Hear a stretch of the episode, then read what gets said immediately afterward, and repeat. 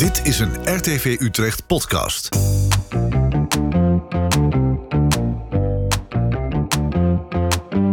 Leuk dat je weer luistert naar Stadhuisplein Amersfoort. Een maandelijke podcast waarin we vanuit de Espresso Bar hier in het mooie Eemhuis de Amersfoortse politiek bespreken. Aan tafel drie opiniemakers. Jeroen de Valk van Huis aan Huiskrant De Stad Amersfoort. Erik van der Velde van onderzoeksplatform en de online krant De Stadsbron. En ikzelf, Kees Hogendijk van RTV Utrecht. En ook deze maand weer een gast in ons midden, Noelle Sanders. Zij stapte vorig jaar uit de D66-fractie en ging alleen verder. Welkom mevrouw Sanders. Dankjewel. We gaan het met u hebben over wel of geen woningbouw in Park Schothorst en over wat u verwacht eh, van het komende jaar. Maar eerst nog even de vraag eigenlijk, waarom stapte u nou precies uit de D66-fractie vorig jaar? Ja, nou ik uh, kom me steeds minder uh, verenigen met de standpunten van de fractie, maar ook landelijk. En dat was de reden waarom ik er uitgestapt ben.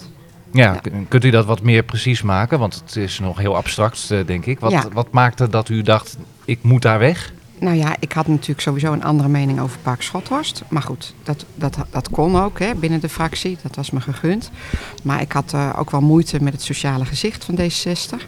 En dat geldt ook voornamelijk landelijk. Ik vind namelijk dat eh, eh, mensen hè, moeten in hun eigen kracht staan en daar ook aan werken.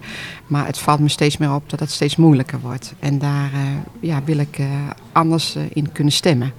En dat, dat kon niet. En bestond die twijfel er nog niet toen de gemeenteraadsverkiezingen eraan kwamen? Minder. Het werd me in de loop van het jaar duidelijker dat eh, de standpunten daarin toch eh, meer uiteenliepen. Ja. Erik van der Velde, Jeroen de Valk, hoe kijken jullie daar nu op terug? Eh, eh, hoe kijken jullie naar die beslissing? We hebben het er eerder over gehad en ook met eh, Thias Bijholt, eh, fractievoorzitter Ja, zeker. D66. Nou, wat, wat, wat eh, de Valk, ja. mevrouw Sanders zei over eh, eh, het, het sociale gezicht, heb je het over verteld. Aan mij kun je nog wat vertellen aan de luisteraars? Nou ja, ik, ik eh, vind als je mensen eh, aan hun eigen lot overlaat, hè, want zo voel ik dat een beetje, als je zegt mensen moeten in hun eigen kracht eh, alles zelf kunnen doen, dan denk ik dat eh, daar heel veel tekenen van zijn op het moment in de maatschappij dat mensen dat toch heel moeilijk vinden. Eh, als ik nou bijvoorbeeld kijk eh, naar de. Ik hoorde net dat de voedselbank eh, een kwart meer aanvragen eh, dit jaar heeft gehad. Eh, als ik kijk naar hoe moeilijk het nu is in de psychiatrie, hoe lang de waslijsten oplopen. Als ik kijk naar eh, dat er bijvoorbeeld eh, een, groot tekort aankomt van verpleeghuizen, waar dus echt wel behoefte aan is. Terwijl we eigenlijk juist de, de tendens is dat mensen langer zelfstandig thuis moeten blijven wonen. Dan denk ik van, daar gaat iets niet goed. En zegt u daarmee, mevrouw Sanders, eigenlijk D66 stond wat meer aan de linkerkant, is langzaam opgeschoven naar het midden? Ja, zelfs bijna rechts. Ja, sommige gebieden. Ja. En welke gebieden zijn dat dan? Nou ja, ik, eh, er zijn natuurlijk eh, sowieso landelijk een aantal thema's die gespeeld hebben. eh, waardoor ik ook wel tot die beslissing kwam. Ik vond het referendum bijvoorbeeld een hele lastige. Maar ook het verhaal van ehm, ja, de. Eh, dat is dan wel een zwaarder onderwerp over de donatie eh, nadat je eh, gestorven bent. Op zich goed dat je kunt beslissen over je eigen lot. En dat je daar ook zelfs daarin een individuele vrijheid hebt. Zo kan je het zien. Maar zoals het werd uitgevoerd, had ik ook wel wat moeite mee. Erik van der Velde, eh, ja, jij draait ook al wat langer mee in Amersfoort. Eh, er zijn natuurlijk meer raadsleden die uit een fractie stappen. Eh, hoe heb jij hiernaar gekeken, naar deze beslissing? Ja, in algemeenheid vind ik het geen gelukkige beslissing. Je zit niet in de gemeenteraad voor de landelijke politiek, maar om het, landelijk, om het lokale belang te dienen. En eh, als partijen verbrokkeld raken, ja, dan ontstaat er toch al een sfeer van interne ruzies. En dat is, lijkt mij niet goed eh, voor de aanzien van de lokale politiek. Ik zou zeggen, maak je tijd af en treed dan uit de partij en, en zie dan verder. Ja, ik kon dat niet meer verenigen. Ik kon daar niet meer achter staan. Dus ja, dan houdt het op. En dan kan je zeggen van nou, dan moet je opstappen. Ik denk zelf dat ik, ik ben nu eh, 13 jaar raadslid. Eh, er zijn heel veel mensen die op mij gestemd hebben. Ik ben drie keer met voorkeurstemmen in de raad gekomen. Er zijn heel veel mensen die op mij gestemd hebben. Ook al eh, hoor ik bij deze, hoorde ik toen bij D60. Want ik Mhm. weet dat ze dat anders niet gestemd hadden. Dus ik had zelf zoiets van nee, ik wil er voor die mensen wel kunnen zijn. En daarom ga ik onder mijn eigen naam verder. Ja, maar je kan ook interne discussie aangaan. Dat is denk ik toch ook de meest voor de hand liggende weg. Je bent het niet eens met welke kant de partij op gaat. Het is jouw partij. Je zit er al 13 jaar, u zit er al 13 jaar in. Dan Ja. ga interne discussie aan. Nou, die is er heus geweest. Ja.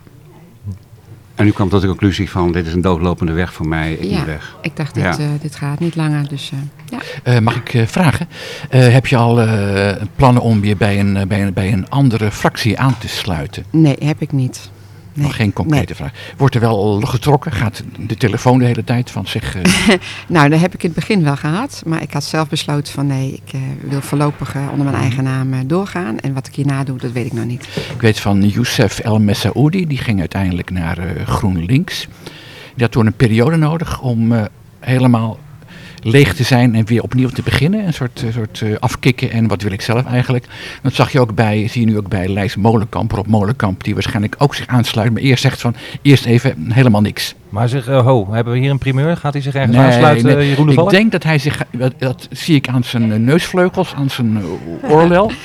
Maar het kan goed zijn, maar hij zei net als Youssef destijds van eerst een tijdje gewoon helemaal op mijn eigen kompas varen. En dan verder kijken. Ik wil even naar eh, Park Schothorst. Hè. U haalt het eh, aan. Dit is voor mij een heel belangrijk punt. Ja, ik wil niet dat daar gebouwd wordt. En dat is voor mij, daar kunnen mensen eh, mij op afrekenen.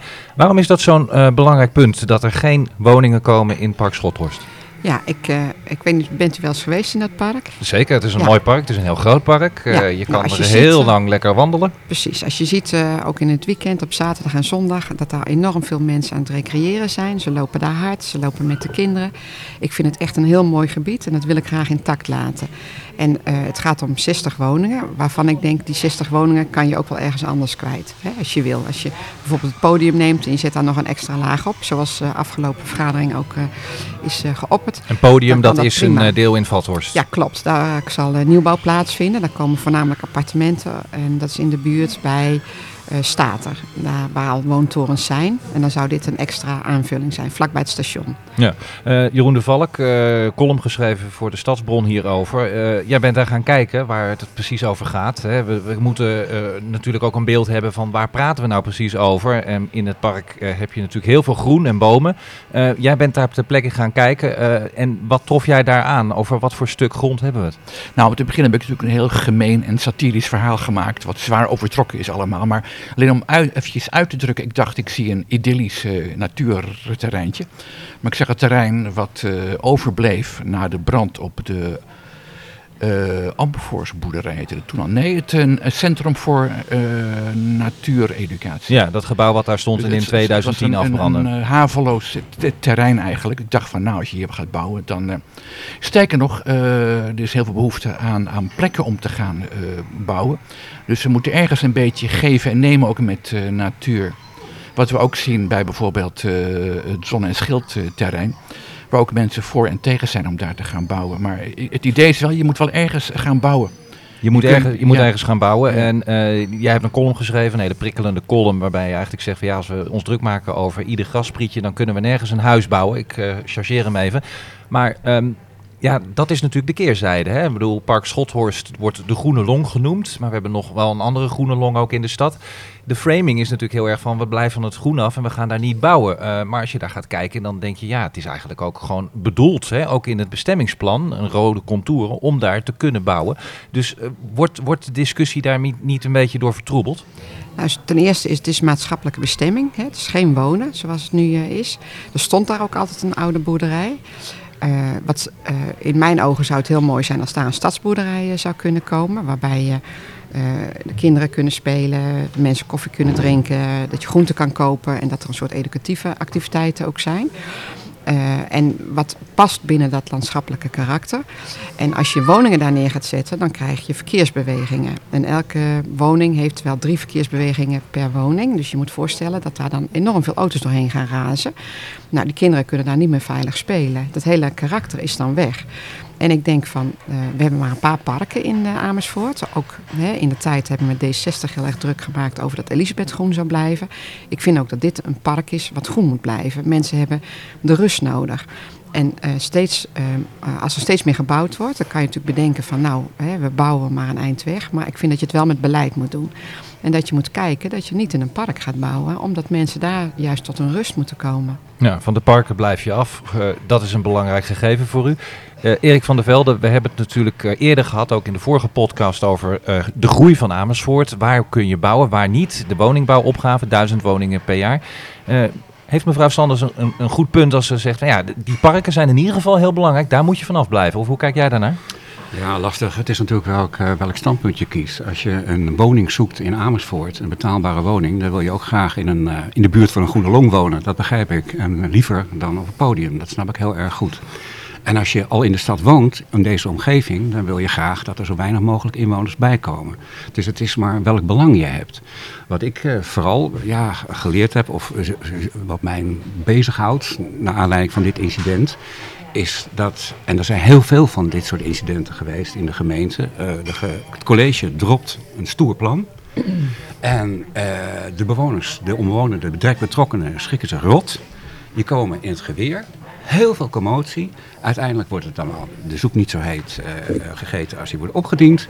En we gaan weer over tot de orde van de volgende dag. En of het nou gaat om de koffieshop, en of het nou gaat om het nieuwe stadhuis, of of het gaat. Nou, er zijn zoveel voorbeelden. En ik denk van ja, net aanzien van de politiek, dat doet het niet goed. Waarom ga je niet eerst in gesprek met de, met de omgeving? Leg die vraag open. Jongens, we willen hier bouwen. Is dat bij jullie bespreekbaar? En zo ja, hoe gaan we dat doen? Ga in dialoog met de direct betrokkenen. Het wordt gedropt van bovenaf en daardoor ontstaan er zoveel onnodige commotie die nogmaals schade doen aan de politiek. Ja, je zag eh, afgelopen gemeenteraadsvergadering rond de tafelgesprek over dit onderwerp wel dat raadsleden daarvan geschrokken of geleerd hebben, zou je ook kunnen zeggen. Want er wordt nu gezegd, in co-creatie met omwonenden eh, moet er in ieder geval dan iets bedacht worden. Want eh, de bijeenkomst in november in Park Schothorst werd massaal bezocht. en raadsleden voelden daar heel duidelijk aan van ja, wij hebben inderdaad de omwonenden gepasseerd. Ziet u dat ook als uw verdienste dan, mevrouw Sanders, door dit onderwerp zo a- eh, op de agenda te zetten, dat er nu in ieder geval het besef is van we moeten dat samen doen met omwonenden? Ja, ik vind het ook heel belangrijk en herken me ook wel in het verhaal. Dus eh, wat eh, jij zegt hè, over de eh co-crea, of in ieder geval over de plannen die dan gedropt worden en dan na de hand weer teruggedraaid worden. Maar in dit geval vind ik het wel moedig van het college dat ze ook echt het plan helemaal van tafel hebben gehaald. Dus Ja, want het plan, Daar wil ik ook wel een compliment voor geven. Het, het plan in ieder geval was met de voorwaarde om daar 60 woningen te bouwen. Die voorwaarde is geschrapt. Eh, tegelijkertijd viel mij wel op dat de coalitiepartijen zeggen van we willen wel woningen eh, als optie houden. Terwijl de omwonenden liever eh, een stadsboerderij zien met een paar zorgwoningen. Eh, maar het concept van woningen, daar is volgens mij niet heel veel enthousiasme voor. Nee, dat klopt. Hè. Er waren twee keuzes die ze toen als, met plakketjes als meester hadden aangeplakt, zeg maar. De keuze was of het park aan het park teruggeven, hè, dus dat die ruimte nog weer groen blijft. Of een stadsboerderij met een zorgfunctie. En eh, ik vind ook dat het recht doet als je zou zeggen van dan gaan we ook die twee mogelijkheden onderzoeken. Helaas, daar was geen meerderheid voor, want iedereen is doordrongen van het bouwen. Wat ik op zich ook wel begrijp, want ik ben ook altijd voor bouwen geweest en ook voor hoogbouw. Maar eh, omdat ik in dit geval graag eh, ook eigenlijk met die stadsboerderij veel woningen wilde tegenhouden, was het wel duidelijk dat de coalitiepartijen heel duidelijk zeiden van nee, wij willen hier bouwen. En dat kan in co-creatie. Nou, vraag ik me wel af wat dat dan inhoudt. Ja, want- het is een, eh, een heerlijke eh, abstracte term, hè? co-creatie. Dat kan samen aan tafel zitten en een plan bedenken. Het kan ook zijn dat, eh, dat je samen de beslissing neemt. Nou, volgens mij kan je er alle kanten mee op. Dus Klopt. dat ik nog een beetje vaag. Ja, dat is ook een, eh, voor mij ook een, een eh, vraag, eh, wat het dan inhoudt. GroenLinks sprak zich heel erg duidelijk uit door te zeggen dat ze niet wilden dat het beslissen was. Wat op zich ook wel logisch is, want ja, de raad beslist natuurlijk uiteindelijk. Dat is het spanningsveld wat ook steeds meer gaat optreden. Hè, van in hoeverre kom je nou inwoners tegemoet? Eh in hoeverre neem je verantwoordelijkheid als raadslid, waarbij je toch de hele stad, het belang van de hele stad hebt. En het belang van de hele stad is natuurlijk woningen.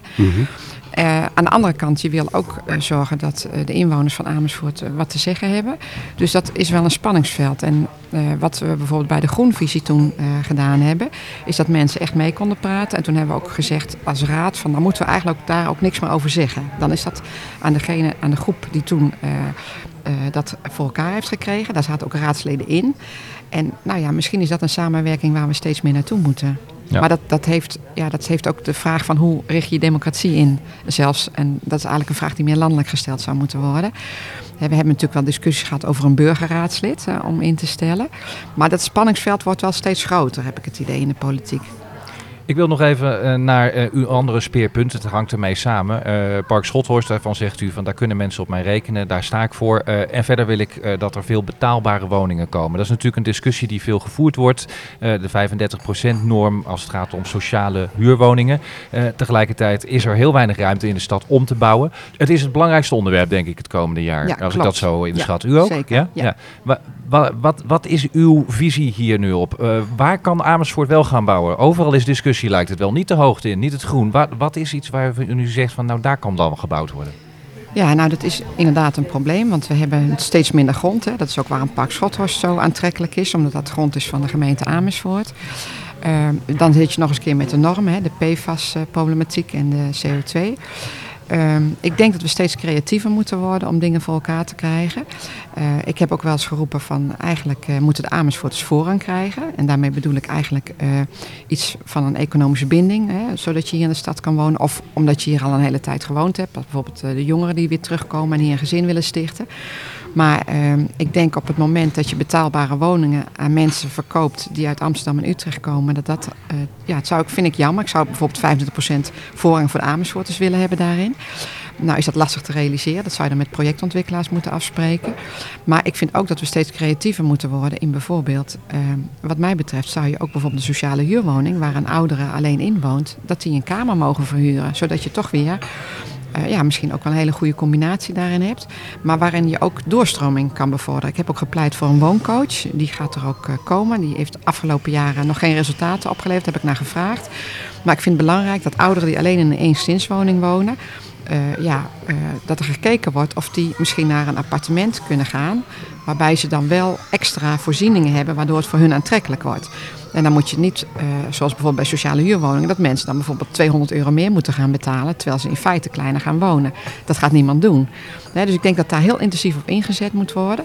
En daarnaast, ik ben al langer bezig voor tiny houses. Um, die zijn er nog niet helaas, maar ik zou wel zijn voor tijdelijke woningen. Hè. Op het Smeingterrein uh, is het plan om daar... Uh, naar te kijken of daar 150 tijdelijke woningen kunnen komen. Hè, van tussen de 5 en de 10 jaar die daar dan kunnen staan. En ik denk dat we ook naar kantoorgebouwen, dat wordt wel steeds minder op moeten kijken. Maar alles wat maar mogelijk is om in te wonen, daar vind ik dat we daarnaar moeten kijken om dat voor elkaar te krijgen. Erik van der Velde, uh, denk jij ook dat dit onderwerp de komende tijd de agenda gaat uh, beheersen? Absoluut. En uh, er gaat iets aan vooraf en misschien ook samen. Uh, ik denk dat het nu ook echt tijd is aangebroken dat de stad heel goed gaat nadenken over wat voor stad het wil zijn. Wat de identiteit van deze stad is. Wat de waarden zijn die we willen koesteren. En, en, en wat we precies niet willen. Uh, burgemeester Bolsjes bij de Koningsdag heeft hij uh, Amersfoort uitgeroepen tot uh, de meest gewone stad van Nederland. En dat is iets waar je trots op moet zijn. Nou, we zijn geen gewone stad en je moet ook geen gewone stad willen zijn. Je moet toch iets hebben wat, wat, wat deze stad bijzonder maakt. En vroeger was dat al heel aan de hand. Je had de bierbrouwerijen, we hebben de Amersfoortse gehad, er zijn tal, we hebben Kattenbroek gehad, waar we voorop liepen in architectuur. En ik vraag me wel eens af, waar lopen we nu eigenlijk nog voorop? Wat maakt Amersfoort tot Amersfoort? En wat is, wat, waar kan een inwoner trots op zijn? Waar ontleen je identiteit aan? Ja, de binnenstad, we hebben een mooie binnenstad. Maar er zijn zoveel steden met een mooie binnenstad. Dat maakt ons niet uitzonderlijk. En hoe groot willen we zijn? En nou, uh, nou ja, dat soort vragen. Waar, waar, waar wil Amersfoort heen de komende jaren? Wat is onze identiteit? Hoe willen we ons profileren? Jij mist eigenlijk een soort totaalvisie daarop. Ja. ja. Goed, en is dat iets wat u zegt? Ja, dat vind ik ook wel een goed punt. Uh, Zo'n totaalvisie. Wat zou die visie dan zijn, ten slotte? Dan kunnen we daarmee afronden. Ja, nou, ik denk zeker dat we moeten nadenken over wat voor stad we willen zijn. En al die punten die uh, Erik noemt. Maar ik uh, denk dat we de komende jaren nog heel veel werk krijgen ook om dat goed in te richten. En mijn visie daarop zou zijn dat we inderdaad de, de punten die we hebben als stad, die heel uh, bekend zijn. Hè? De middeleeuwse binnenstad bijvoorbeeld, is echt een punt waar heel veel toeristen ook van zeggen van, goh, ik wist niet, het is een verborgen parel in Nederland. En uh, ik denk dat dat wel toch een grote kracht blijft. Blijft een grote kracht, Erik, die middeleeuwse binnenstad. Ook al ja, hebben andere steden hem ook. Zeker. Elke handstad heeft ook een prachtige binnenstad. En als je de concurrentie aangaat met Utrecht en uh, Amsterdam, dan verliezen we ook. Uh, en, en, moet je dat trouwens willen? Een toeristenstad worden. Um, een stad van allemaal dagjes mensen. Ik geef er geen antwoord op, maar die vraag mag je ook wel stellen. Ja. Of moeten we juist omarmen dat we een hele gewone stad zijn en dat je hier nog uh, op een terrasje kunt zitten zonder dat je van tevoren bij wijze van spreken je plekje moet reserveren? Ja, dat kan je wel doen, maar dan moet iedereen het ook echt vinden. Althans, iedereen, dat is wel erg veel. Maar uh, ik heb wel het uh, gevoel dat burgemeester Bolsjes vooral voor zichzelf heeft gesproken. En dat dat nou niet een breed gedragen gedachte is. Dat wij een gewone stad willen zijn en we daar blij mee willen zijn. We zijn cijfermatig gezien ook absoluut geen gewone en gemiddelde stad. Beter verdienend dan gemiddeld, jonger dan gemiddeld. Uh, uh, gelukkiger over het algemeen met de leefomgeving dan gemiddeld. En zijn, zijn nog wel meer van dat soort dingen te noemen. Ja, heel kort nog Jeroen de Valk. Ja, wat mezelf opvalt, ik woon hier sinds 32 jaar. En ik verbaasde mij dat het zo'n aardige stad was. En zo mooi. Het is leuker geworden sinds ik er woon. Dat ligt niet alleen aan mij hoor. En, uh, maar nu steeds nu komen familieleden wel eens lang zeggen... Goh, dat wist ik helemaal niet. Het blijft een geheim. Op de een of andere reden uh, zoals Amsterdammers zich op de borst kloppen, zo doen Amersfoorters dat te, te, te, weinig. Amersfoorters doen dat te weinig. Doet u het wel eens, mevrouw Sanders? U nou op de ja, borst kloppen? ik hoor dus heel veel dat Amersfoort zo groen is. En dat het juist voor jonge gezinnen heel fijn is om hier te toeven. En daarom zou ik in ieder geval willen pleiten dat de parken in Amersfoort uh, in die visie blijven. En de westelijke ja. rondweg? Om het toch maar eventjes uh, te droppen dan. Ja, nou, de laatste nieuws is dat er uh, nieuwe cijfers uh, bekend zijn. Hè, omdat de Bernhard-kazerne misschien een andere uitgang gaat krijgen. En ik ben heel benieuwd hoe zich dat gaat ontwikkelen. Ja, dat is een heel diplomatiek antwoord. Maar bent u bereid ook om die cijfers opnieuw te gaan bekijken? En vindt u dat, dat dat nieuw licht kan werpen op de hele zaak? Nou, als, dat, als die cijfers zodanig zijn dat het aanleiding geeft om het plan te herzien, dan wil ik daar zeker naar kijken. Goed. Dat wachten we af. Uh, dank allen weer aan deze tafel. Uh, deze podcast, uh, daar kun je je op abonneren. Dat is heel makkelijk, want dan krijg je hem iedere maand vers binnen. Dus doe dat vooral, graag zelfs. En wij melden ons weer in februari. Dankjewel voor het luisteren.